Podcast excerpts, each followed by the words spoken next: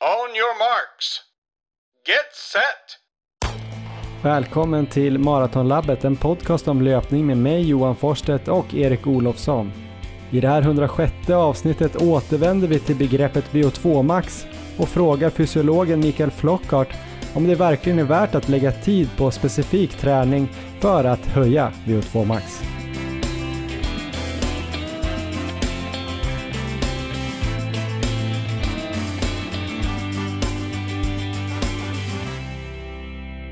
Ja, ni ska alltså vara varmt välkomna till avsnitt 106 av Maratonlabbet. Eh, Erik Olofsson, du sitter i Uppsala just nu och eh, du har eh, VO2 max. Vilket värde då? Oj, vilken bra fråga Johan. Jag vet inte. Vi testade det där 2018, men jag kommer inte ihåg mitt resultat. Sen har vi inte testat efter det. Så du får svara istället. Vad, har- vad har du själv och vad har jag? Ja, jag tror att jag har eh, 65,5 och du har eh, jag tror kanske att du kan ha tappat ett eller två kilo och blivit lite bättre. Ah, du kanske är uppe på 69,3. Oj, det lät ju bra. Vi låg ganska lika. Ja, vi hade nog eh, 64 och typ 67 har jag för mig.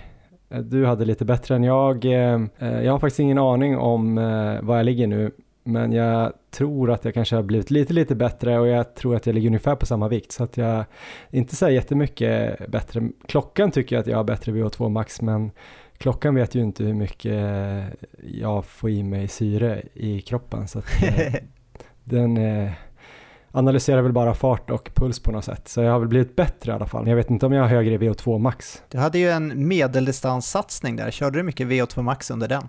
Ja men då kan jag nog ha fått i mig lite grann av den typen av träning även om jag inte la upp träningen specifikt just för VO2 max utan jag tänkte väl mer på att jag skulle göra specifika pass då för 1500 och kanske 3000 och så har man väl kört något så här 5000 pass kanske 5 gånger 1000 med två minuters vila. Är väl något så här klassiskt eh, avstämningspass inför 5000 och det är väl kanske ett VO2 max pass så något kanske man har kört ändå men eh, jag tror inte du och jag har kört så många pass ändå. Så här 4 gånger 4 norska intervaller eller 30-30 bilats 30-30 eller något sånt där. Har du Nej. kört mycket?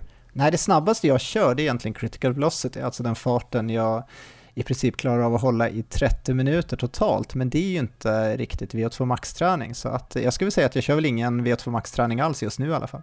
Har du kört någonting alternativt då? Vissa tänker ju så här att ja, ja, men man ska bara träna hjärtat för VO2 max så kan man lika gärna köra kanske mer ehm, skonsam träning då, typ eh, att man kör eh, cykel eller skidåkning eller rodd eller någonting.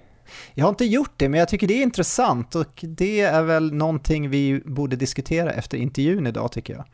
Ja, varför vi pratar om det här nu så här direkt i inledningen är ju för att det här avsnittet handlar om VO2 max och eh, det är lite så här VO2 max revisited, att vi kanske har fått information som gör att vi omvärderar hur viktigt det är att träna just för VO2 max. Vi får se vad vi säger i slutet av avsnittet, men eh, Erik, vilken VO2 max behöver man för att springa på eh, 2.37 på maraton? Ja, men ska vi säga mellan 65 och 70 då? Ja, det låter rimligt. Eh, Du har ju sprungit en maraton på 2.37. Vill du berätta lite mer om det? Gärna Johan! Eh, Vi snackade ju här i förra avsnittet och då övertalade du mig om att springa maraton. Och det känns ju ganska bra nu, för att det, det gick ju faktiskt bra här i Jordbro.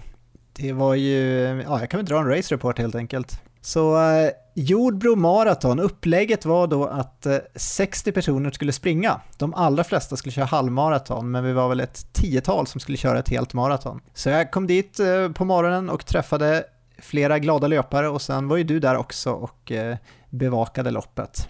Mm. Eh, Sen var det gemensam start då för samtliga löpare, men det var uppdelat i tre heat som startade med 30 sekunder mellanrum. Jag gick ut i heat 2 och optimalt för mig hade nog varit att få gå ut i heat 3, för där fanns det många tjejer som skulle springa halvmaraton i samma utgångsfart som jag själv siktade på, vilket var 3.40.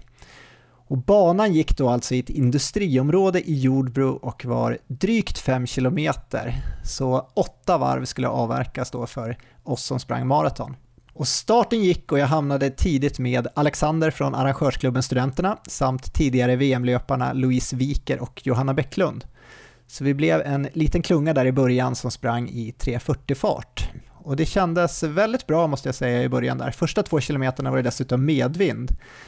Men sen kom man in i ett parti där det var ganska tuff motvind redan från början och där kunde man verkligen tjäna då på att ha någon rygg att springa efter.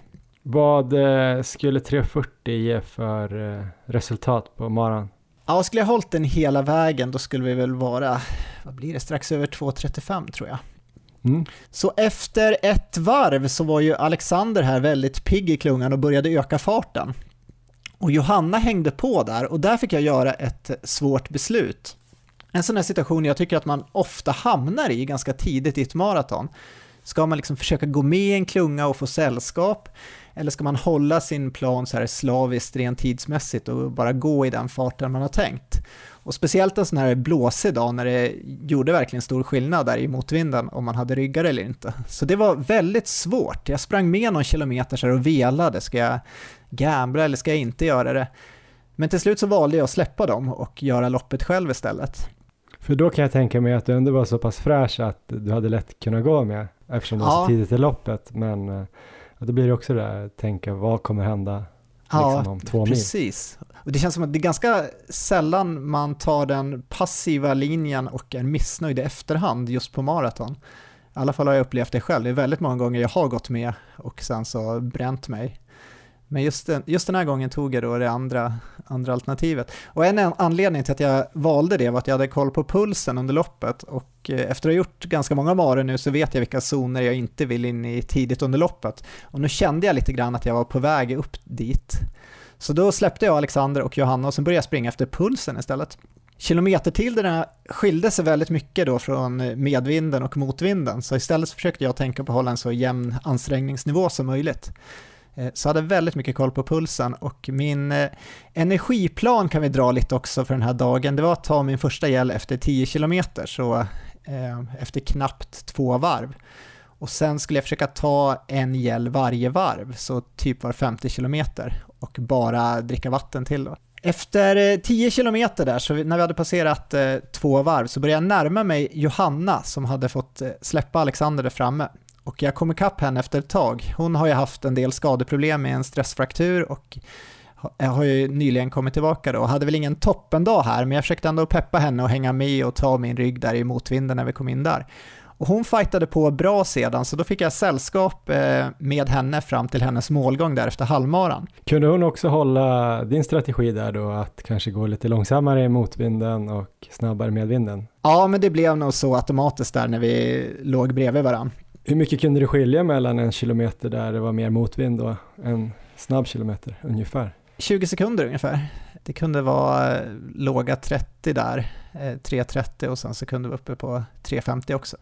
Ja. Så det, var, det var ganska stor skillnad när det var som värst. Då. Det var i vissa partier där det inte blåste så mycket alls. Men det blev, eh, det blev ganska roligt så på det sättet för att jag försökte peppa henne och fortsätta när hon hade det tufft. Eh, så rent mentalt så fick mitt lopp eh, under en period där ett lite annat syfte där jag kunde så fokusera på att Johanna skulle fightas hela vägen in i mål. Och det gjorde hon, hon fightades på bra så hon var en sekund före mig i mål på 1.18.23 så det blev ju det också min halvmara passering.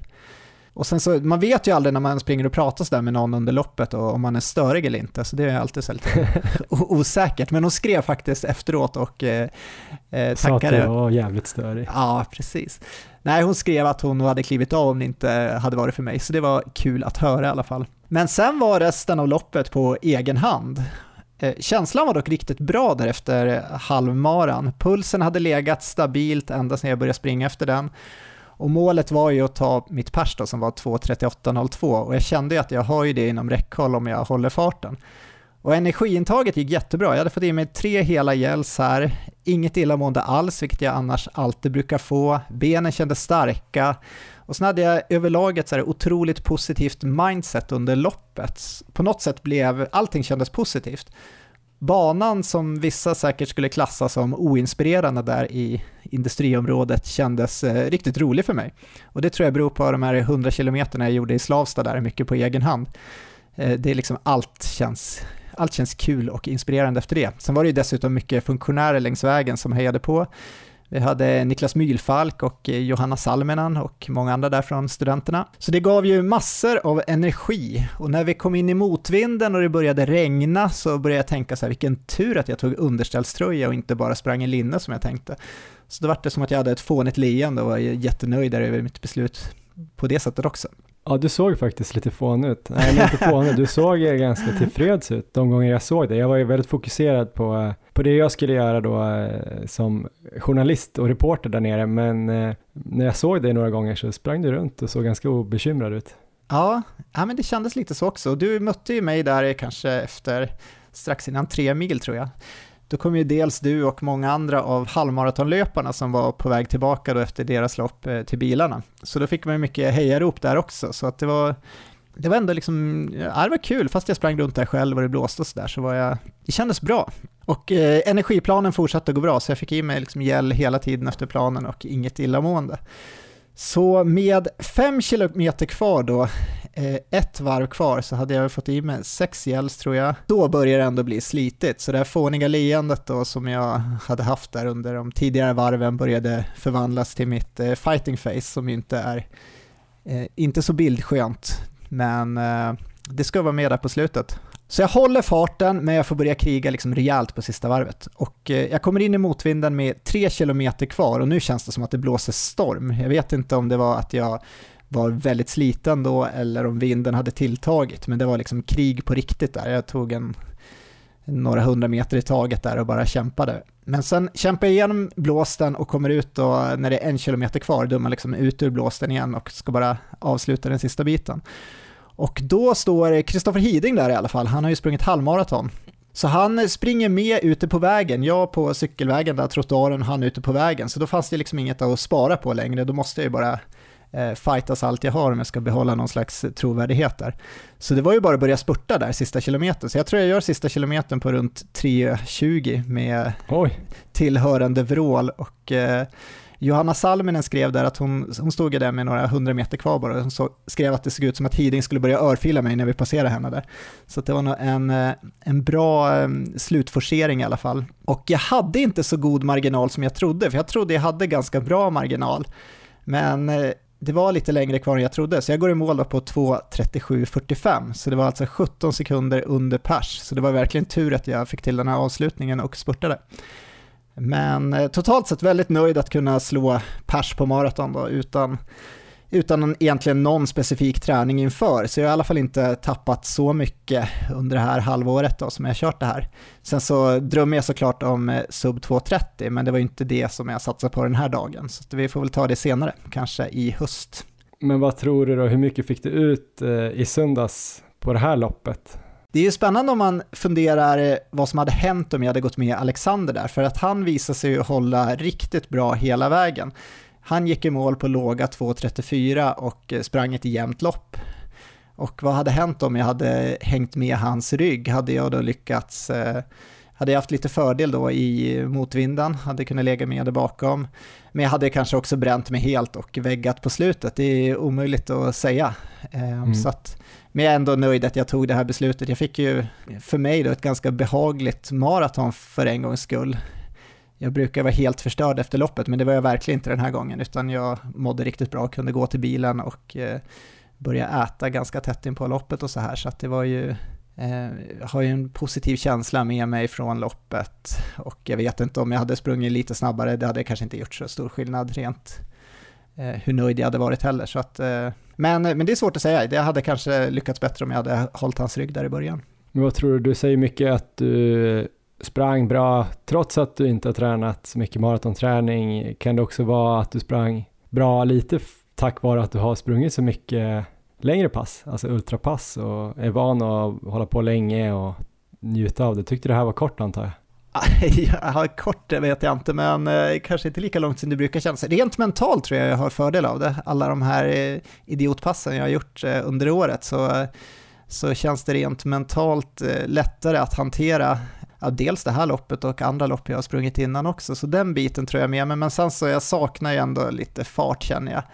Så att mm. eh, skulle jag till exempel ha satsat på 2.30, jag har liksom inte den, det tempot i mig, så att där ska jag komma ner eh, en bit till då måste jag nog lägga om träningen tror jag och eh, spetsa till det. Men det är också målet sen i höst här, att det här ska ju byggas då till en grund fram till sommaren och sen så ska jag försöka spetsa till det med maratonträning sen. Ehm, så att eh, jag hoppas ju att eh, farten ska komma och att det ska kunna gå snabbare framöver. Men det måste ändå varit eh, väldigt skönt att få göra en ja, inom citationstecken då, helt kontrollerad maraton som ändå gav PB och där du kunde kanske slå lite ur underläge eller vad man ska säga, ingen press sådär från dig själv eller från någon annan och så ändå känna att du håller bra sådär. Det kan vara skönt. Jag drömmer lite om att kanske göra någon sån där mara någon gång när man tycker att man hade kontroll. Sen kanske man känner att ah, jag kanske skulle ha sprungit några minuter bättre men istället ja. för att liksom hålla på och tappa på slutet eh, att du går in i någon vägg eller, eller som jag då får kramp jämt typ. Det hade varit skönt att springa igenom en mara bara. Jo, men helt klart, det kan vara, det, det är definitivt skönt att uh, få till ett sånt här lopp då och då också. Och det har varit lite så på uh, marorna för mig, det är lite varannan går ju bra och varannan går ju fruktansvärt dåligt, så att uh, ja, jag vet ju vad som väntar mig nästa gång nu då. Ja, men då vet vi också vad som väntar alla som lyssnar på podden då, att det är ultraträning som gäller då. 100 kilometers pass för att bli bra på maraton då, per ja, Jag hade nog behövt springa lite snabbare för att vi skulle kunna konstatera, konstatera det, så att jag, jag tror alla klarar sig ett tag till utan att behöva ge sig på dem. De passen, vi får se, se vad som händer sen framåt hösten. Men eh, det var ju nog om Jordbro tror jag, eller har du någonting mer att tillägga från den dagen? Nej, men det var en eh, intressant och lite halvomtumlande dag tyckte jag. Det var ju många som sprang bra och sen var det några som bröt och jag var ju där och, och följde någon som, som, som bröt och eh, det var intressant. Man fick också flera bevis på att allting måste liksom klaffa, både mentalt, fysiskt och eh, förberedelsemässigt och man ska ha dagen och ta ett beslut och sen utmana tröttheten och sådär. Det är spännande. Löpning är ju enkelt men också rätt svårt att få ihop allting. Verkligen. Har löpning varit enkelt för dig på slutet Johan? Det har väl gått lite på autopilot på ett sätt, eh, både på gott och ont tror jag, men eh, det har känts bra ändå sen senast. Jag hade väl precis varit och kört ett eh, banpass sist vi spelade in ett sånt där Patrick Tiernan-pass. Just det. Det var ett jättebra pass och sen hade jag då två lugnare dagar och sen så körde jag ett eh, tempopass på torsdagen där jag körde liksom en kilometer på, en kilometer av och då körde jag, planen var väl att köra 4.00 på den långsamma och 3.35 tror jag på den eh, lite snabbare. Jag tror det landade typ 4.01 3.31 faktiskt på ja. 10 kilometer då så att fem gånger en plus en eller vad man ska säga utan vila. Så jag vet inte om det var bra eller dåligt. Det kändes ganska kontrollerat. Det blev ju ändå en sluttid på 37 och 40 kanske på en klockmil. Så det är sådana där pass jag tror att jag behöver. Ja. Eh, när det känns som att man vill kanske, typ att det ska vara skönt att gå av och så, men eh, efter ett tag så börjar man ju känna att eh, man återhämtar sig väldigt bra på den där eh, 4.00 kilometern, i alla fall efter typ en, två minuter. De andra två minuterna i den farten känns plötsligt eh, ganska lugna. Och sen så är det ju alltid bara att trycka en kilometer i 3.35 eller 3.30. Det kändes ganska ganska lätt. Så det var ett bra pass och sen den här veckan har jag väl haft en sån här Ingebrigtsen-inspirerad vecka då med lite eh, kanske kortare kvalitetspass i, i tröskel intensitet. Så då eh, ja, jag har väl kört, eh, jag körde fyra gånger sju i söndags efter Jordbro eh, när jag hade jobbat klart och kommit hem och så på kvällen där och jag var riktigt eh, slut faktiskt, eh, både mentalt och lite trött och sådär. Kändes riktigt dåligt och då är det fyra gånger sju minuter där vi pratar om? Ja men precis, fyra gånger sju minuter eh, var det jag körde, fyra gånger sju kilometer eh, får väl vänta här till hösten tänker jag, om det någonsin blir något sånt pass. Men eh, då var det lite mer norsk tröskel då, någon typ av marafart, så jag hade väl till och med lite svårt att hålla den, det ska man ju verkligen inte ha svårt med, men jag hade tunga ben den kvällen och Aha. bryttankar på den tredje intervallen började förhandla med mig själv i huvudet, eh, tänka så här, ja men 3 gånger 7 minuter, det är väl inte så dåligt. Jag sprang i 3.47 fart. Jag tänkte så här, jo men det är nog rätt dåligt ändå. det är inte ett riktigt pass. Eh, tänkte så här, förra veckan körde jag 4 gånger 6, det var 24 minuter, men om jag lägger till fyra minuter på den sista då, så jag kör tre gånger sju plus fyra. Då blir det 25 minuter, då är det alltså en minut bättre än förra veckan, eller för Ja. två veckor sedan. Då plötsligt på den sista kändes de där första tre minuterna svinlätta. Och då tänkte jag, nu är det bara en, en minut till och då tryckte jag på den. Men sen så kändes det så här, men nu har jag ju sprungit fyra. Om jag gör tre till nu har jag gjort mina fyra gånger sju. Eh, så jag lurade hjärnan där på något sätt. Eh, och det tror jag kan bli viktigt för mig också, just det här att ut, utmana mig själv eh, mentalt och våga trycka på fast det inte känns så himla bra. Så det är personlig utveckling för mig. Ja, men det tycker jag låter bra. Det där tror jag alla har upplevt då och då under passen. Men eh, ja, det kan vara viktigt att kämpa på där rent mentalt så brukar det kunna vända just då. När det är sista intervallen bara, då är det ju bara att ösa. Ja, precis. Den var bäst också faktiskt. Grymt! Ja, men det här tycker jag låter positivt och nu kanske vi går in mot en tävlingsperiod. Vi får se hur det blir här med de slutgiltiga restriktionerna och så, men kommer du göra någonting annorlunda framöver eller fortsätter du med samma plan här med varannan vecka Ingebrigtsen eh, Eh, och det upplägget? Hur blir det? Ja, men jag kommer nog köra på som jag har gjort ett tag till, i alla fall maj ut. Eh, sen får vi väl se då om de eh, kan ändra de här restriktionerna från första juni då, som de har sagt just nu om, om smittoläget är kontrollerat. Så man får väl hoppas att alla sköter sig och så. Då kan det bli något lopp i juni och då tror jag väl kanske att det är läge att börja lägga in lite testlopp eller hårdare pass för att eh, spetsa formen ordentligt. Nu får jag ju lite det då den här eh, Tjärnan-veckan som där jag kör bara två kvalitetspass. De blir ju lite hårdare och längre. Så det kan ju bli så att jag kör varannan vecka då lite hårdare pass. Lite som Caroline eh, Bjerkeli Grodal Just det. snackade om i, när vi intervjuade henne. Då pratade ju hon ju om innan hon eh, slog norsk rekord på 10 km landsväg i höstas så hade hon ju tävlat en massa lopp inför det här, alltså typ, det var ju riktiga lopp men det blev som träning för henne inför Ja. det här uh, Hytteplanmila. Och lite så är väl tänkt då, så om det inte kommer upp små tävlingar på 5K och 10K som jag kan använda så tänker jag väl att jag skriver till folk och frågar om det är någon som vill eh, hara mig på en snabb femma eller något, någon som ska kanske köra något tempo i, i, i den farten, så kanske man kan få lite sådana pass där man tänder till och få, få kämpa lite. Eh, Så, så kan det bli lite mer i juni då, så att jag verkligen är redo mentalt för det loppet som nu blir av då, vilket det nu blir, vilket jag inte vet, kanske inte ens blir något, men jag måste ju springa under 34 så annars får jag väl beställa några harar på stadion och köra själv med någon ljushare eller något. Ja, jag kan vara med en bit där om jag har den farten kvar i benen. Vi får se. Du hade ju den bara här om veckan så det vore ju lugnt.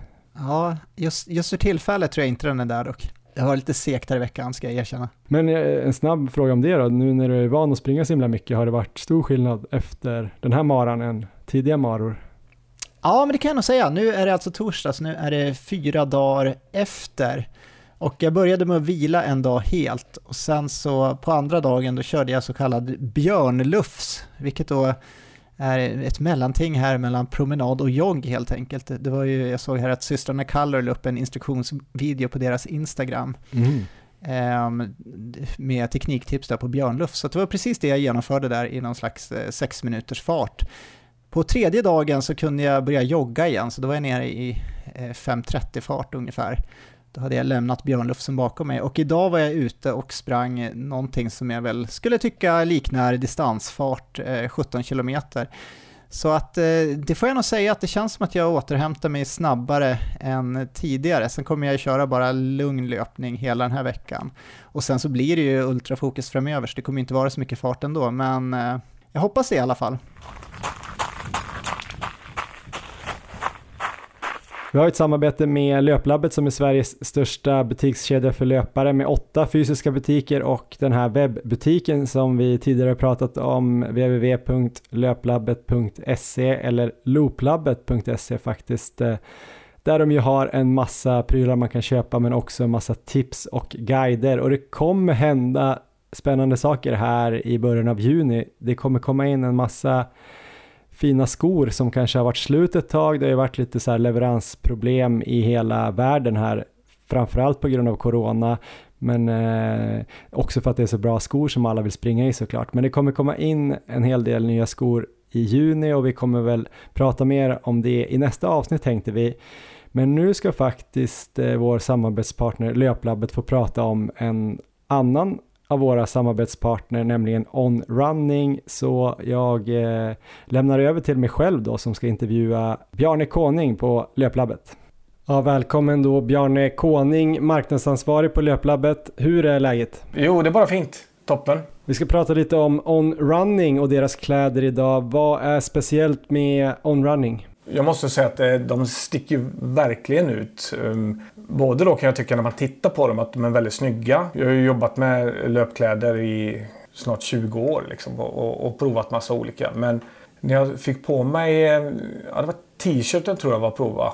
Ons t-shirt. Det var verkligen Alltså jag, jag, blev väldigt, väldigt imponerad. För ofta kan man ju säga att, eller man, eh, man hör ofta leverantörer säga att det är väldigt fint material och väldigt genomarbetat. Då. Men den här t-shirten, alltså den var fantastisk att springa i. Man, man, kan ju tycka så här, hur, hur kan en t-shirt vara fantastisk? Jag förstår liksom om man tänker så, men för min del så är det, det bästa, tycker jag, det är att springa liksom med så lite kläder som möjligt. Och det var verkligen den känslan. Det, den kändes som att den låg inte mot kroppen utan den låg liksom runt kroppen. Vilka av eh, deras kläder säljer ni på Löplabbet? Vad finns i butikerna? Ja, vi har väl från, från topp till tå, jag säga. Vi har ju deras kepsar. Eh, vi har eh, t-shirt och linne. Eh, vi har även långarmad, longsleeve, jackor. Och så har vi mm, deras shorts som har blivit väldigt populära också. De har ju sån här, vad säger man, two-in-one shorts. Eh, som är riktigt sköna och väldigt funktionella. Är de. Ni har ju också valt On Running till ert eh, team Löplabbet. Eh, varför då? Det kanske inte var det liksom... Om man ska trycka någonting på kläder så blir det ju lätt att man väljer kvantitet då. Man kanske väljer en liksom enklare t-shirt eller jacka liksom, för att trycka upp väldigt många. Vi tänkte så här, vi vill ha det liksom, absolut bästa för att då vet vi att eh, de här kläderna kommer att användas och det vill vi ju. Vi vill ju att det ska synas till Löplabbet och vi vill ju att våra ambassadörer ska, ska kännas bra och springa grejerna och de verkligen ska gilla att ha grejerna på sig. och det vet vi att man gör. Har man liksom provat eh, den här jackan eller t-shirten eh, eller den shortsen för den delen så vill man springa i det här. Det är faktiskt därför vi har valt det. Rent, eh, rent för att vi vill att det ska synas Team Löplabbet så mycket som möjligt i spåret. Så vet vi att de som får en sån här t-shirt, de kommer använda den för den är, liksom, den är så jäkla skön att springa i. Ja, du ska ha stort tack för den genomgången Bjarne. Ha det bra så hörs vi. Mm. Tack ska du ha. Ja men då har vi kommit till veckans intervju då som ska handla om VO2 Max Erik och det är väl jag som har tjatat länge på att jag skulle vilja prata om VO2 Max igen i ett avsnitt. Eh, visst är det så? Det är precis så det är Johan, så det här ska bli intressant att se vad du har kommit fram till. ja, vi pratade ju om det redan i avsnitt 10 av Maratonlabbet. Jag tror det var i mars 2018 när vi intervjuade då Marcus Maramackan Nilsson på ämnet. Vi pratade om VO2 Max-konceptet och även då eh, fick man lite tips på olika pass man kunde köra för att träna upp det här. Då tog vi väl för givet att man skulle träna VO2 Max för att det var en av då kanske främst tre komponenter som gjorde att man blev bra, alltså man ville ha ett högt tak så att säga, VO2 max högt och eh, sen vill man ha en hög nyttjandegrad, alltså tröskel, att man kan ligga nära sitt VO2 max länge och så bra löpekonomi. Och det är väl ganska mycket det som avgör då hur bra man blir. Men Erik, sen så blev det typ ingen VO2 max-träning för oss. Eh, det var vi inne lite på i början av det här avsnittet, men eh, jag tror knappt vi har kört så här fem pass än som man räknar ihop eh, våra pass tillsammans på hela den här perioden. Men vi har ändå blivit bättre. Ja, det mest minnesvärda det är det här tre minuters testet vi gjorde där på löpan, vi, eller på löpbanan när vi höll på att avlida. Så att, eh, Just det. Och med tanke på det passet så förstår jag att vi inte gör det oftare. Men det kanske inte behöver vara exakt så hårt. Nej, kanske inte, men det var ju tre minuter all out där man skulle starta stenhårt och det vet jag att vissa som eh, tränar VO2 Max faktiskt kör så att man ja. dunkar på i början för att få upp pulsen och eller VO2 Max kommer komma högt upp och sen bara hålla ut. Ja, men vi har ju inte gjort det alls speciellt mycket och ändå blivit bättre som sagt. Eh, jag tror knappt att vi har intervjuat någon löpare som har pratat om att de jobbar i vissa perioder jättemycket med VO2 max specifikt. Möjligtvis att Tove Alexandersson körde en hel del pass eh, som jobbade med det när hon gick upp och ner för backar, men det var ju också lite för att hon skulle satsa på skimo då, alltså ski mountaineering, um, så det var väl specifikt för den utmaningen, men blir ju såklart då kanske lite VO2 max träning. Sen läste jag en artikel om att VO2 max träning eller att man höjer VO2 max kan gå ut över effektiviteten så att man kanske får sämre effektivitet och då kanske det blir plus minus noll ändå.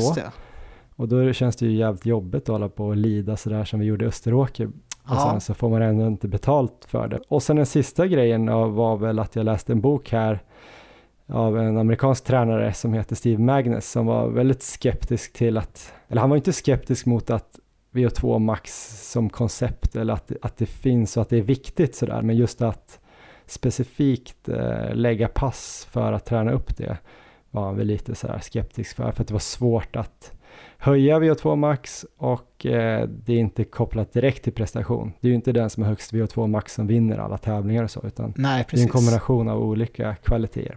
Så det är därför vi har det igen. Och det var ju som sagt drygt tre år sedan så att eh, det tål att pratas om igen. Så vi får väl se eh, om de här funderingarna jag hade, om det låg något i dem eller sådär. Vi har i alla fall ringt upp Mikael Flockhart igen känd från avsnittet om watt för löpare och han, eh, han snackar om det här. Så här får ni Mikael Flockart. On your marks. Get set.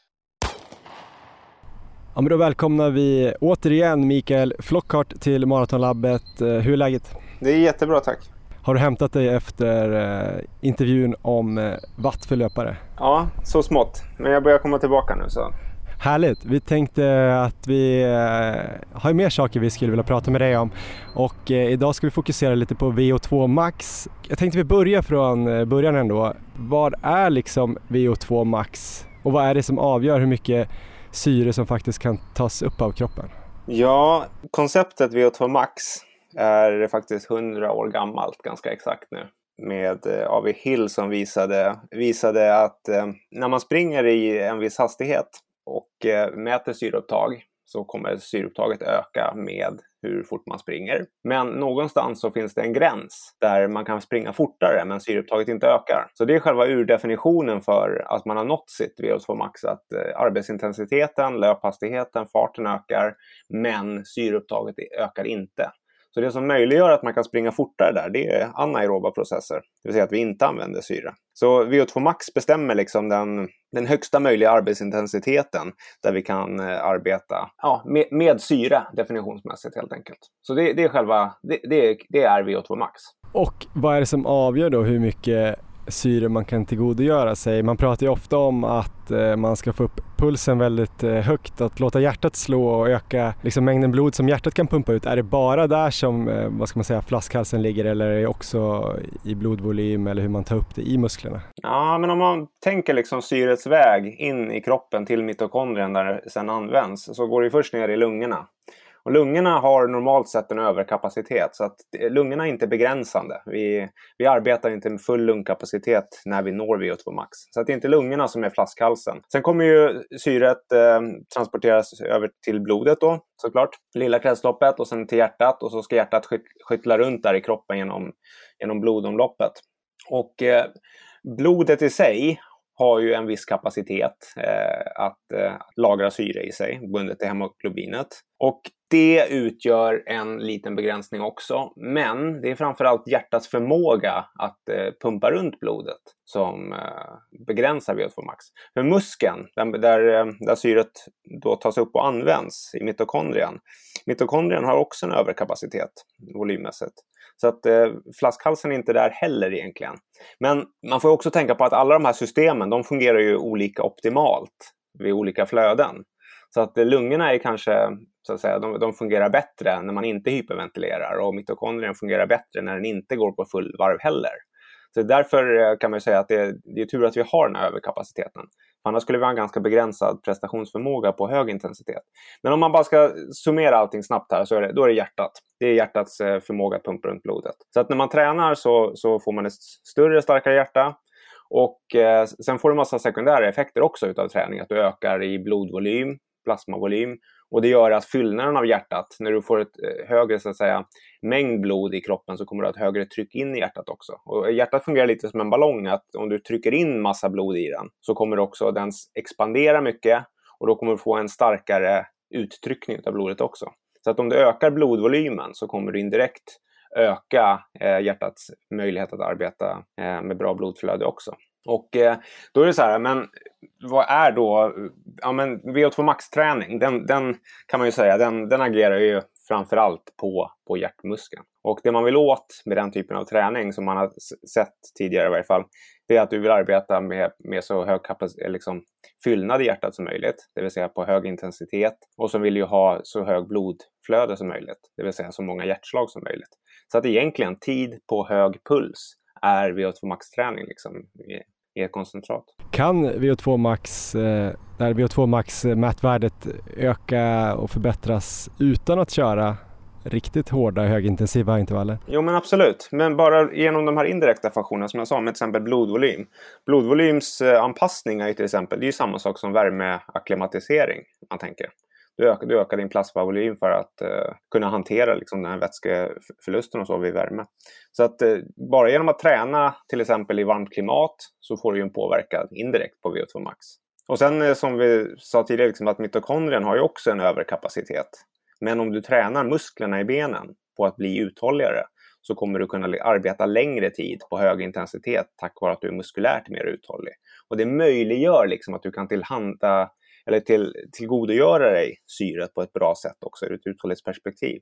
Och då pratar vi alltså uthållighet vid VO2 maxintensitet. Och ju längre tid du befinner dig på VO2 maxintensitet, desto större chans har du att med mätutrustning då fånga upp de högsta mätvärdena. Så att indirekt kan man säga att det påverkar VO2 max också.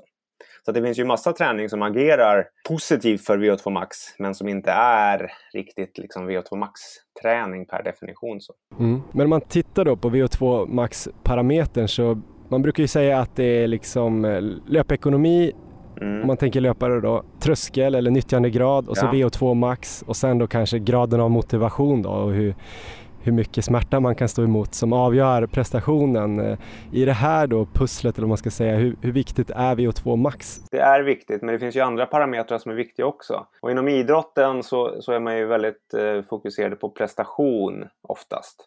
Utan naturliga anledningar såklart. Det, det är ingen som tävlar i VO2 max. Så det man är intresserad av som löpare är att springa så fort som möjligt.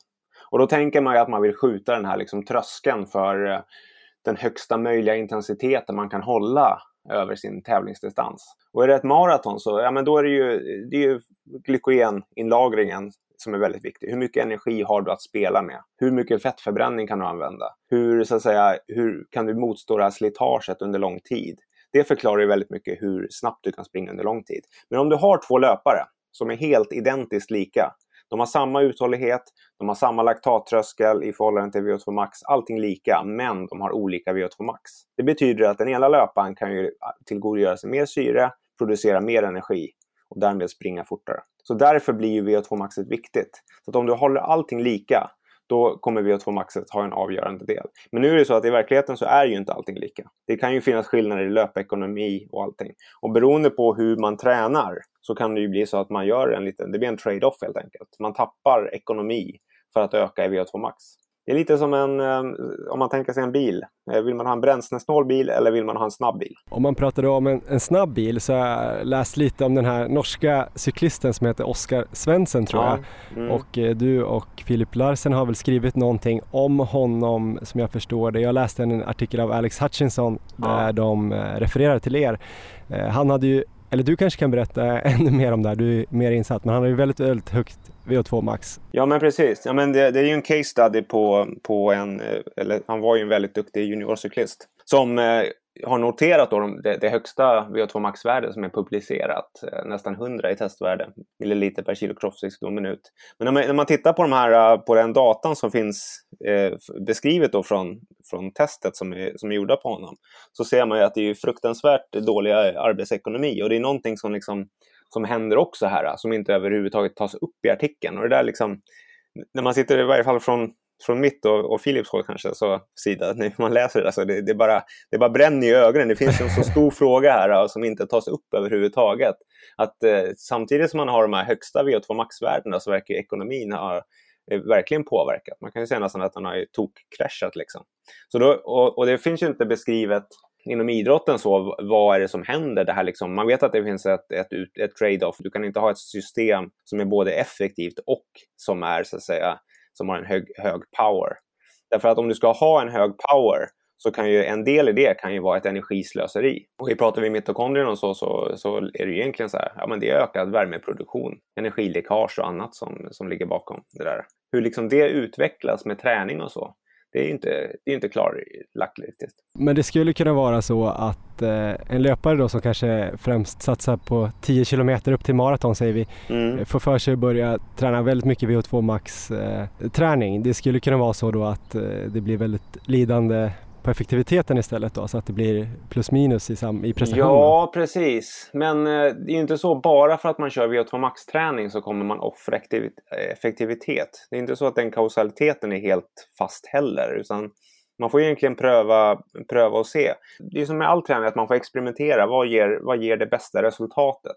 Och på något sätt så, VO2 max är viktigt, men som individ, om man har tränat mycket, länge och hårt, så kommer man ha nått sitt tak mer eller mindre. Så att det man har att kunna liksom för att öka sin, sitt VO2 max ytterligare, då kanske det handlar om att tappa i kroppsvikt.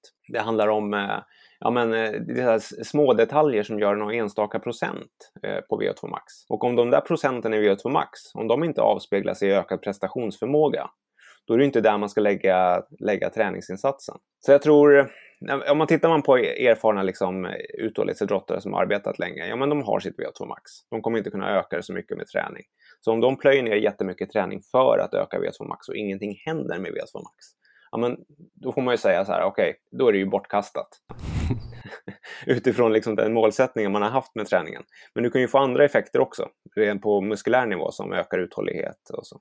Och på något sätt, när vi, om vi är tillbaka där vi började egentligen, att inom löpning så är man intresserad av vilken träning som, som gör att man springer så fort som möjligt. Det är det som är det viktiga. Och om VO2 max-träningen inte leder till ökad löpförmåga, då, då är, det ju, då är den ju inte viktig. För VO2 max på lokal nivå, det vill säga muskeln och så, den tränar man ju på, på annat sätt än bara genom den, alltså VO2 max-träning på hög puls, om man ska säga så. Vi har pratat med ganska många elitlöpare under de här åren med podden och, och mm. nästan alla pratar ju om eh, tröskelträning eller dubbeltrösklar eller specifika pass för sin distans och så här.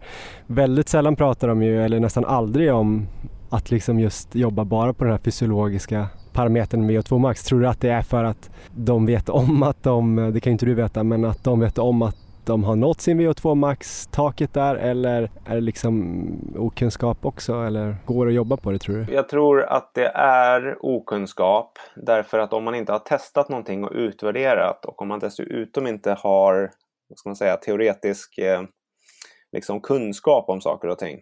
För, för du kan ju ha praktisk kunskap och sen teoretisk kunskap. Och om du varken har provat eller förstår konceptet så är det väldigt svårt att uttala sig. Så jag tror, jag tror väldigt många löpare är duktiga på att veta vad som funkar. Men de, det är så lätt som idrottare att man hamnar i samma mönster. Man, liksom, man gör det som man är trygg med, som man vet ger resultat. Det, det, det, krävs ganska mycket för att man ska styra om och sen bara pröva en helt ny modell eh, som man inte alls vet vad resultatet kommer bli utav. Jag tror också, om man tittar bara idrottare generellt, de som vågar svänga om, som vågar pröva någonting nytt, det är de som tar de här kliven i utvecklingen också. Så jag tror många skulle gynnas av att eh, göra någonting helt annat. Och sen kan man gå tillbaka till som man körde innan. Det är så här grundläggande inom träning också. Det ska vara variation för att man ska bli bra. Man kan inte nöta samma sak för kroppen anpassar ju sig, den känner igen. Eh, det blir liksom samma pass som går om och om igen. Det, då, då blir man inte bättre. Man måste skaka om systemet lite. Om man går ner från elitnivån då, säg ja. att man har provat och man kanske vet om att man har sin VO2 max och det är svårt att utveckla Paula Radcliffe, den gamla mm. maraton eh, där. Det pratas ju ofta mycket om henne, att hon nådde sin VO2 max väldigt tidigt i karriären och sen ja. så utvecklade hon tröskel och löpekonomi och blev bättre och bättre.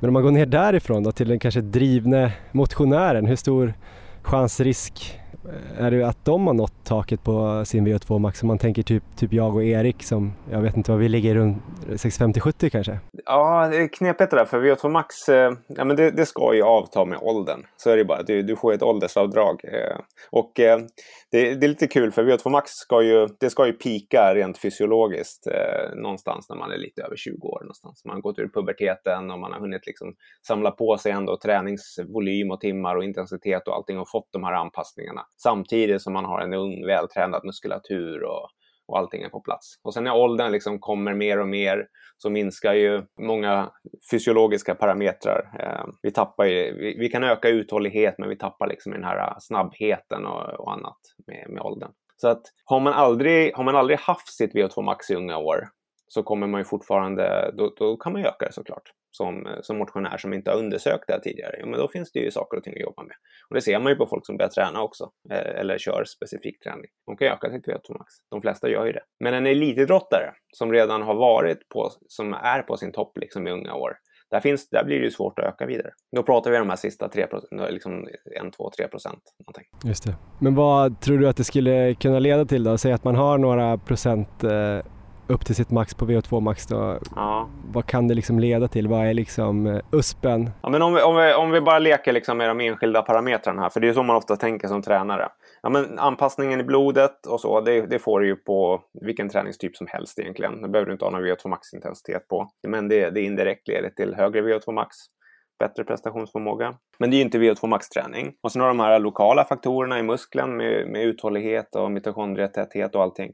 Det möjliggör ju också VO2 max och skapar bra prestationsförmåga. Och så tar man hjärtat då till exempel. Ja, men har man alla de här andra bitarna på plats och du bara isolerar träningen på hjärtat och du får en effekt på hjärtat, då är det någonting som, som du har med dig hela tiden. Den träningen på hjärtat. Ökar du hjärtats kapacitet så kommer du ju kunna öka syretransporten till musklerna och då kommer du kunna använda dina nya fina mitokondrier till exempel som har en högre kapacitet. För de har ju en överkapacitet hela tiden. Så att om du kan leverera mer syre med, med hjärtat. Det är därför bloddoping funkar. Du ökar blodets eh, transport, transportmöjlighet eh, av syre och då kan muskeln ta upp det och så har du en ökad prestationsförmåga. Om man känner att man kanske har legat på en platå och eh, funderar på att eh, VO2 max-träning kanske är någonting man ska prova på då eh, och, ja. och, utvärdera sen då på ett proffsigt sätt och se om det var där det fanns en flaskhals. Hur ska man lägga upp träningen då tycker du som löpare? Hur länge behöver man hålla på innan man kan se effekt? Egentligen ska man säga så här att grundkonceptet för, för VO2 max bygger på eh, träningsmässigt då, att man ska stimulera så högt blodflöde som möjligt och det gör man med hög puls och hög slagvolym. Så att man vill ha någon form av bra aktivitet ja, som löpning, cykel, skidåkning, någonting som bara som sätter press på hjärtat. Eh, där du kan många slag och hög eh, fyllnad utav hjärtat helt enkelt. Men om man bara tänker så här, för det här är väldigt enkelt att mäta med pulsklocka. Eh, hög puls helt enkelt. Hög intensitet. Någonstans mellan tummen och pekfingret, mellan 5 och 7 minuter kan man säga. Men det är den intensitet som, eh, det är den längsta så att säga, tidsrymden du kan hålla uppe vid VO2 max. Arbetar du längre på den intensiteten så du ackumulerar så mycket laktat, mjölksyra, så att du, du blir trött och så måste du sluta. Och arbetar du, orkar du längre tid så att säga, då, då indikerar det på att du arbetat på lägre, eh, alltså en lägre procent utav VO2 max, inte 100 procent utav Så att intervaller någonstans eh, där man ska röra sig med så hög puls som möjligt. Ja, men kring fyra minuter, fem minuter kanske, verkar vara det optimala. Och om man samlar på sig liksom under ett pass, ja det, det är rimligt att göra fyra, fem, sex sådana intervaller. Och sen hur de här intervallerna ska se ut, de, de kan ju vara så att säga utav kort, kort typ, att du arbetar 30 sekunder hårt, 10-15 sekunder vila, 30 sekunder hårt. Eh, och så stimulerar du hög puls på det viset, eller att du kör kontinuerligt, du springer i backe, eller liksom om du springer 1500 meters intervaller på bana eller hur du gör liksom. Jag tror det är lite, det är lite så här äh, fingertoppkänsla fingertoppskänsla på vad är det som funkar. Och som allt sån här träning, det är skönt att ha lite variation och så.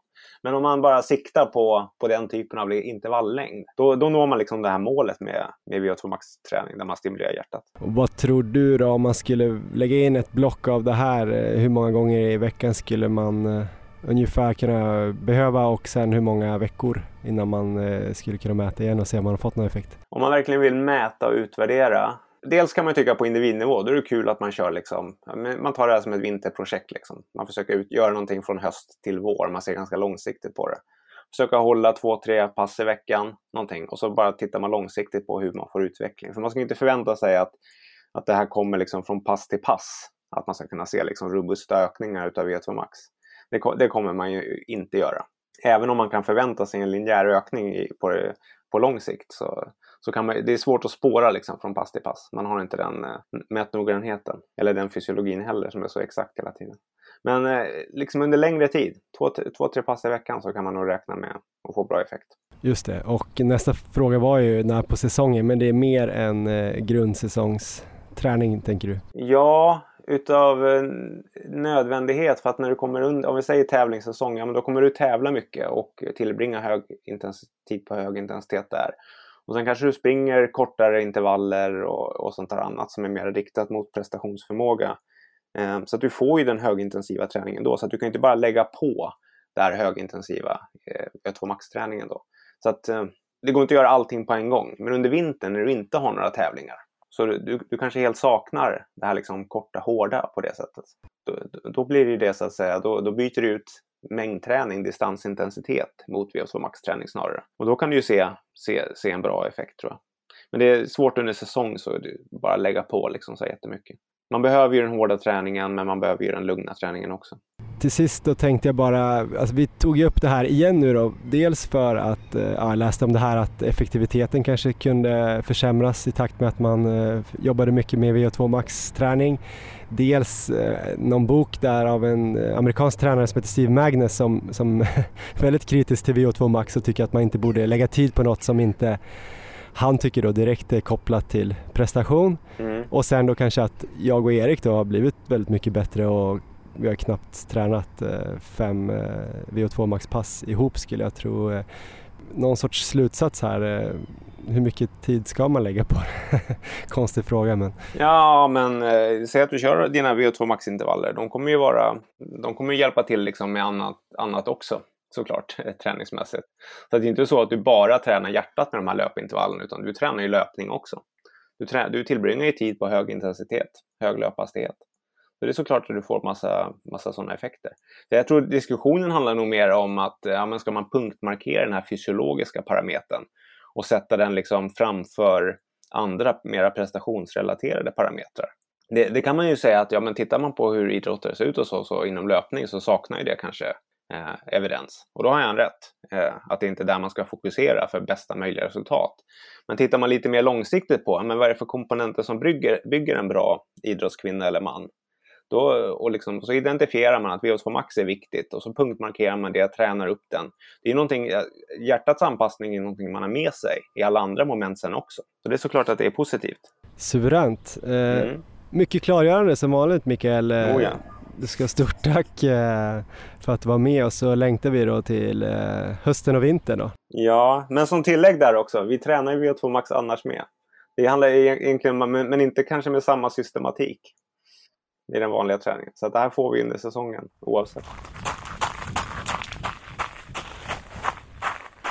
Ja men det där var alltså Mikael Flockhart som ju bland annat jobbar på eh, GIH och eh, är fysiolog och också jätteduktig cyklist. Eh, han kan ju det mesta om allt möjligt som mitokondrier och sånt där är han ju expert på. Väldigt imponerande, eller hur Erik? Eh, helt klart. Vi ska ju snart eh, avhandla VO2 Max här, men jag skulle vilja börja med någonting annat från intervjun här. Och det är ju mm. att jag, jag tar ju såklart med mig här att det kan vara bra att bryta av ibland och testa något helt nytt för att inte riskera att stagnera utvecklingen. Det kände jag ändå, det, det lät bra för mig med tanke på det här projektet som jag just nu håller på med. Och det tror jag också genuint på. Redan i början där av podden när vi startade 2018 så snappade jag upp det här tipset eh, just att man kanske kör en 10 km cykel i 20 veckor, fokuserar på det, sen går man till maraträning i 20 veckor och sen kanske bryter av med någonting annat där. Så det, det, tycker jag låter helt rätt att liksom ha det tankesättet så att man inte fastnar i samma träning hela tiden. Mm. Men med det sagt ska vi börja avhandla lite VO2 Max. Mm. Jag känner mig ju nästan ännu mer förvirrad här då efter den här intervjun, för jag var ju lite inne på så här att nej men i löpning eller det kanske inte är någon mening att träna så mycket på VO2 max för att det ändå blir ett så här nollsummespel. Att det är bättre att jobba på andra förmågor och specifika hastigheter och sådär. Men nu känner jag lite igen här att jag nästan är så här att ja men eh, efter en eventuell Valencia Marathon i december då, då kanske man ska gå in eh, på gymmet och springa löpbandsintervaller i backe för att eh, jobba upp VO2 max och så kör man två månader eller tre månader med tre pass i veckan VO2 max och mäter innan och efter och ser om det händer någonting. Blir du sugen på det? Eh, jag är fortfarande inte helt såld måste jag säga. Jag har lite frågor. Om vi då säger rent teoretiskt att du ska köra det här upplägget.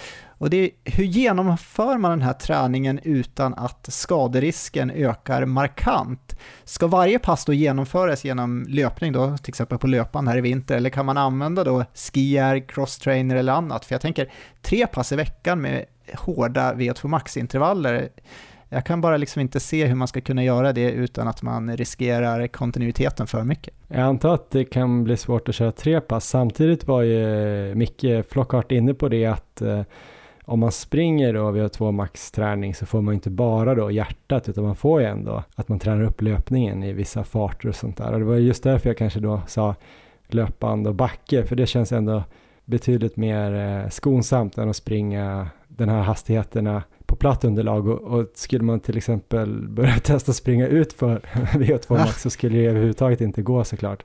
Men eh, ja, jag har också svårt att se att man ska göra typ norska intervaller tre gånger i veckan på löpband, alltså löpning, utan då får man väl kanske köra max, man kanske kan köra, jag vet inte, man måste nog köra någon annan maskin tror jag, speciellt ja. i, i vår ålder höll jag på att säga, om man inte är supervan.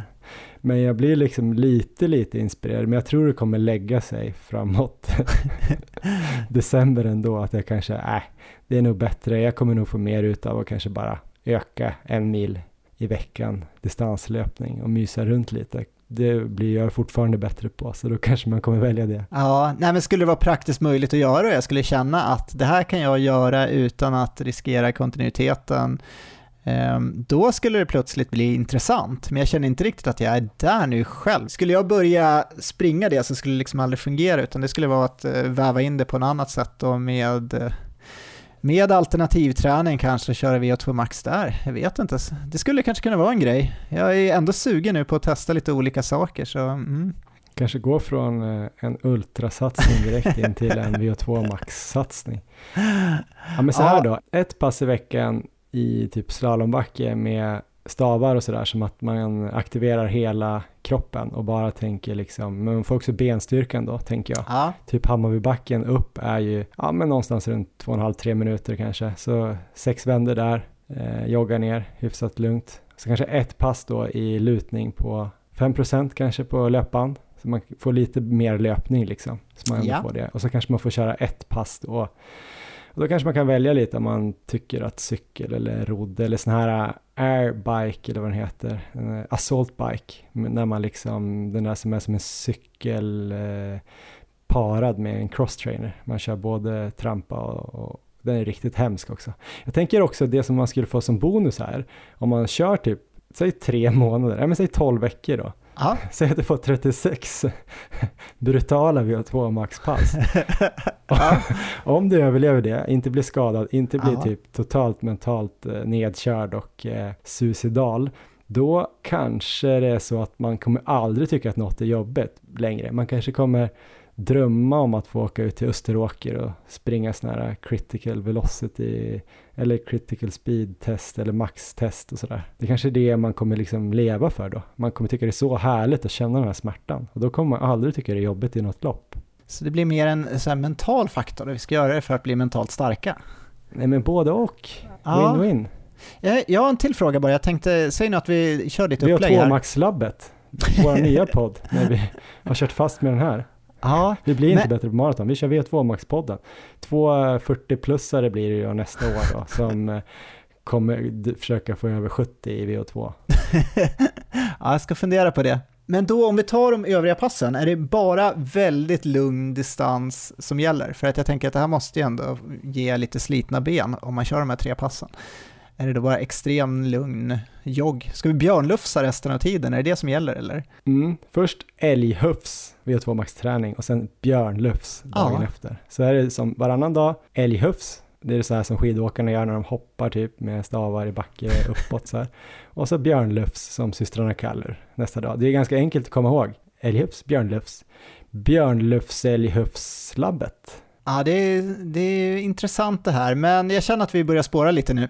Ska vi, ska vi sammanfatta det så här då Johan? Jag tänker, hur tänker du nu framöver? Kommer du väva in någon VO2 Max-träning eh, i ditt program här? Kanske ett pass i veckan eller tänker du då i ett längre perspektiv att du kanske går på det här efter säsongen i grundperioden? Eh, har du hunnit fundera på det? Kommer det komma in i din träning helt enkelt eller känner du nu att jag är på rätt spår, det här är inget som jag behöver lägga in? Ja, men för det första så skulle jag vilja göra ett nytt test av VO2 Max, för det skulle vara väldigt intressant att se om den har förändrats någonting på den typen av träning som vi har gjort eh, de här tre åren, när vi inte då kanske har gjort specifik VO2 Max-träning. Har vi höjt den på något sätt eller har det gått ner eller vad har hänt liksom? Det vore spännande. Ja, men eh, nästa svar är väl att, eh, ja men som sagt nu då som kanske några tävlingsförberedande pass när jag vill spetsa formen och känna att jag lever eller att jag kan motstå smärtan och, och lusten att stiga av ett lopp sådär så kanske man vill köra de här riktigt hårda passen. Och då kanske det blir likt VO2 max pass, alltså med lite längre vila och eh, hårda, hårda intervaller då. Så det kanske kan bli något sånt pass, men inte för att så här, systematiskt höja VO2 max, utan mer för att förbereda mig på, på tävling. Så att jag tror nog att det blir lite så som Flockhart sa där, att det här kanske är någonting man gör under grundträningsperioden ändå. Ja, det låter, det låter väl spännande i alla fall. Jag, jag måste fundera mer på det här, men just nu så är jag nog fortsatt lite skeptisk.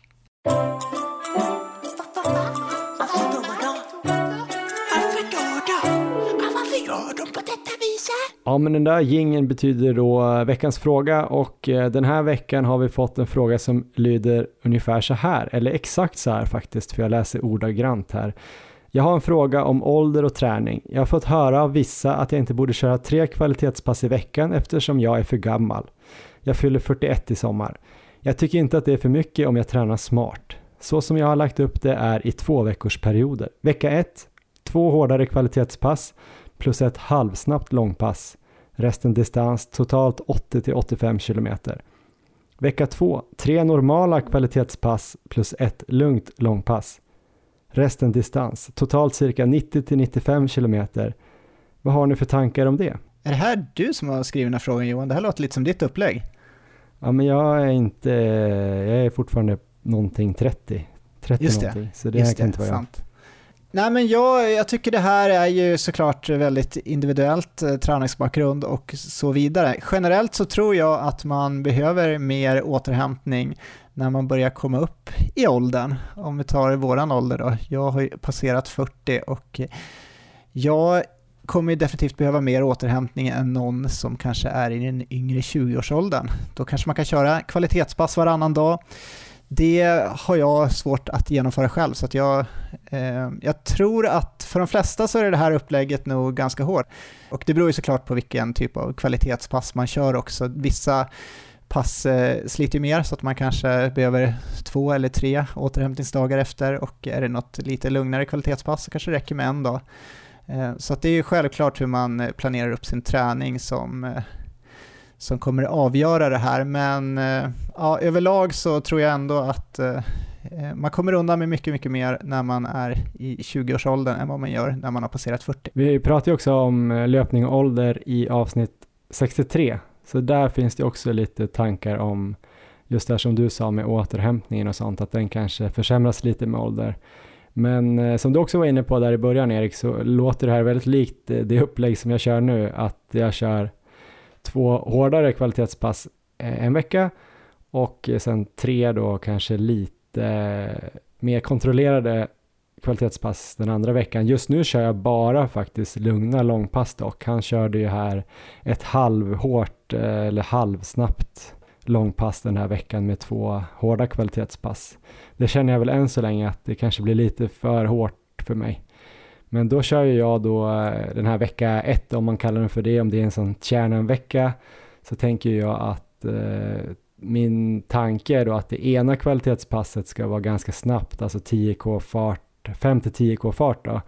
Eh, och att den, den volymen som jag jobbar i de farterna kanske ska komma upp mot 8, 9, 10 kilometer på ett pass. Och sen när jag kör det andra kvalitetspasset då kanske det är hårt i form av ett tempo så det kanske är ja, men halvmarafart ner då till tröskel, kanske snudda 10k fart om jag kör något progressivt men då kanske att man kommer in med ja, 12-13 kilometer i, i den här eh, totala volymen i de, de farterna. Om vi tar de två passen då, vilket känner du du blir mest sliten efter eller är det ungefär samma? Behöver du samma återhämtning efter båda passen? Bra fråga. Jag eh, tycker väl ändå fortfarande att jag blir mer sliten av de här långa tempopassen eller trösklarna. Jag tror att min kropp gillar lite mer de här snabbare, och kortare intervallerna. Det är väl så jag har känt i alla fall. Men eh, nu då om jag bara kör de här två passen och sen kör jag ett lugnare, då kör jag väl ofta ändå det snabbare passet eh,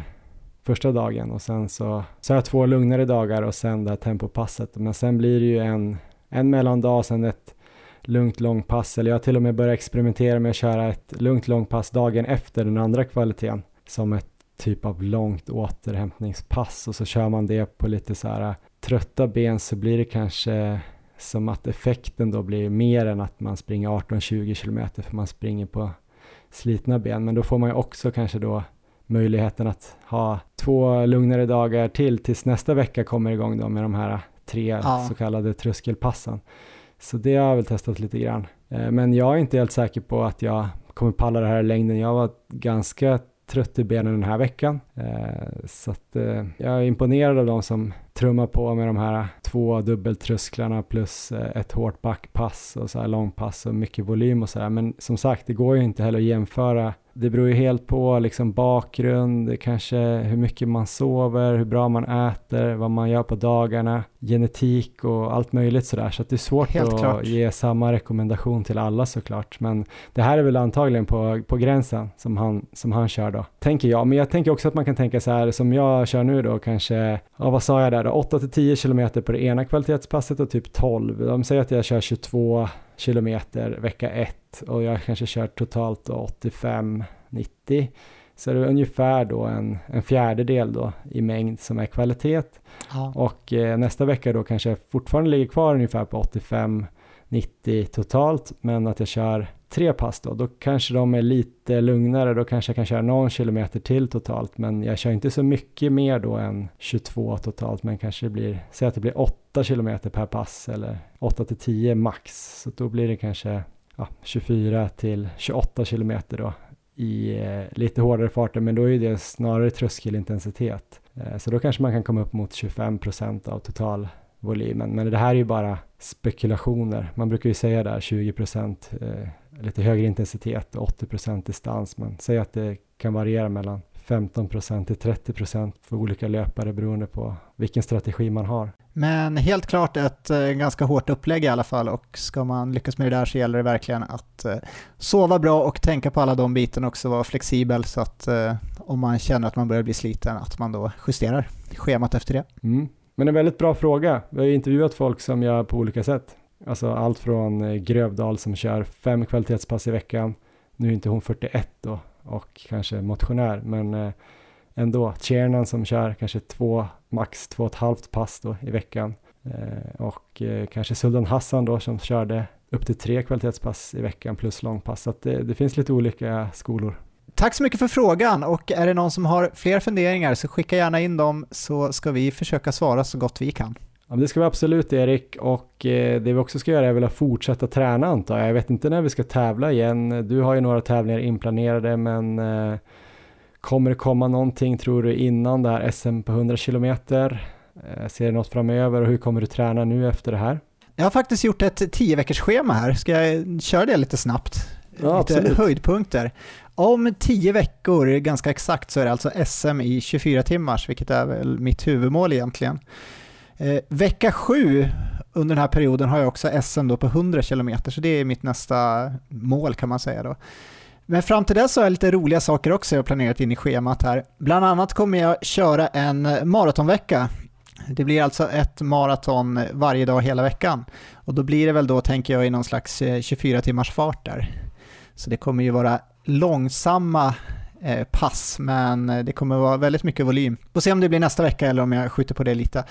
Sen så ska jag också få in då, jag känner ju nu att eh, överlag då sen jag drog igång det här så har jag ändå lyckats genomföra det mesta av det jag planerade och som jag pratade om i början där. Jag har ju fått in eh, något pass här på 11 timmar bland annat och jag har, tror jag har fem pass som är över 8 mil totalt. Eh, men det jag pratade om då, det var ju att försöka jobba upp mot Eh, ett pass mot eh, 16 timmar och att då gärna avsluta på natten. Så det har jag fortfarande som ett mål här, att jag ska dra igång här klockan 10 på förmiddagen någon dag och försöka springa på till två på natten sen. Har väl inte riktigt bestämt när det kommer in, men det kanske kommer om två, tre veckor ungefär. Och sen så är jag sugen på att göra ett eh, 10 mils test till. Jag har gjort ett sånt lopp då, men jag är sugen på att eh, försöka göra ett sånt till test där jag Eh, försöker sätta energiplan och allting. Och samma med det här 16 timmars passet, det ska ju liksom eh, vara förberedande för 24 timmars loppet så där ska ju allt stämma bara med energiplan och eh, hela upplägget med alla bitar med gåpauser och sådär varje timme. Så eh, det känns faktiskt väldigt inspirerande. Jag är tokladdad för de här två loppen och eh, de här eh, sju veckorna nu jag har framöver här. Så jag hoppas att liksom allt ska kunna rulla på, och jag ska kunna genomföra det jag har planerat. Det kommer ju bli mycket, mycket långsamma farter och väldigt många mil, men det, det känns kul. Det låter ju som att du skulle kunna sälja det här till sådana här högpresterande mellanchefer, tänker jag. Men nu avslöjar du kanske lite väl mycket, men det är ett spännande schema. Ja, vi får väl se om det blir någon affärsidé av det här. men hur mycket tror du att du kan träna framöver utan att eh, bränna ut dig innan de här tävlingarna då? Ja, men jag hoppas jag har byggt upp en bra grund nu. Um, jag man får väl känna nu och verkligen vara eh, lite försiktig här efter maran då som jag sprang, men jag hoppas kunna återhämta mig snabbt och känner jag att jag inte gör det så kommer jag inte försöka stressa på för mycket. Men jag, jag hoppas väl att eh, eh den träningen jag har gjort och alla de här långa passen jag har gjort nu här under året ska hjälpa till så att jag ska kunna genomföra det här utan att bli för sliten. Eh, sen så det är klart, man får ju vara flexibel och eh, se och eh, det är inte så att jag till exempel med det 16 timmars passet verkligen måste genomföra hela då om det skulle vara en riktigt hemsk dag, men jag har det som mål i alla fall. Sen får jag väl köra på efter upplägget eh, så länge det går och det kommer ju vara lärorikt i vilket fall så länge jag nu kan hålla på. Men det är en bra fråga, det är ju svårt att veta. Jag har ju liksom inte kört det här upplägget tidigare någon gång utan det är ju kör ju på lite efter egna idéer här, men mm. än så länge så, så har det i alla fall gått bra och eh, jag är fortfarande inspirerad och tycker det är riktigt kul och eh, nu börjar ju ändå de här målen närma sig och det ser väl ut som att båda loppen ska bli genomförda så att eh, jag ser fram emot det jättemycket. Härligt, jag hade nog tänkt att eh, någon gång kanske föreslå att vi skulle göra något eh, längre pass ihop, eh, kanske på Sörmlandsleden eller, eller någonstans där det kanske fanns mindre rötter och sånt där. Eh, men eh, jag vet inte fan alltså, jag tror jag kommer bränna min egen lilla satsning eller vad man ska kalla den. Eh, så det kanske inte kommer bli av, kanske blir senare i år att vi kan få göra något riktigt långt pass. Eller så kanske det kommer. Jag har varit lite sugen faktiskt att sticka ut i skogen och springa långt med dig. Men eh, jag får nog försöka bara hitta kontinuitet i mitt upplägg här nu, eller vad tror du? Ja, men det tror jag på. Jag tror att du kommer snart få en ny sån här formtopp du hade tidigare. Och det gäller bara att vi tajmar in den sen till det blir något lopp så kommer det bli sub 34 utan problem. Ja, nej men jag ska nog bara gnugga på. Det är kanske inte så sexigt mitt schema som ditt. Jag tror inte jag kan sälja det lika dyrt och så men, eh, men jag tror att det skulle vara ganska skönt att bara få så här titta tillbaka på kanske så här sex eller åtta veckor när man har bara satt passen, man kanske har gjort något så här dunderpass men de andra behöver inte heller vara så här extrema, de kan vara bara att man har klarat av det och hittat totalen och sen kanske få vila en vecka och se vad som händer. Så det hoppas jag på ändå. Trägen vinner kanske. Det låter bra. Ja, nej men vi ska runda av. Man kan gå in och kolla på Instagram där vi heter Maratonlabbet. Man kan kolla på Strava också där vi heter Erik Olofsson och Johan Forstedt och eh, ja, det är väl det man kan göra. Där kommer ju all vår träning upp och så kanske det kommer någon, någon fin bild på dig Erik med fighting face eller ett fånigt leende. Vem ja. vet? Kan komma både Men, och. Eh, vi hörs väl här framöver om eh, två veckor. Tänker att vi släpper nästa avsnitt och det kommer bli lika spännande som vanligt. Eh, ha det bra Erik. Ha det bra, lycka till.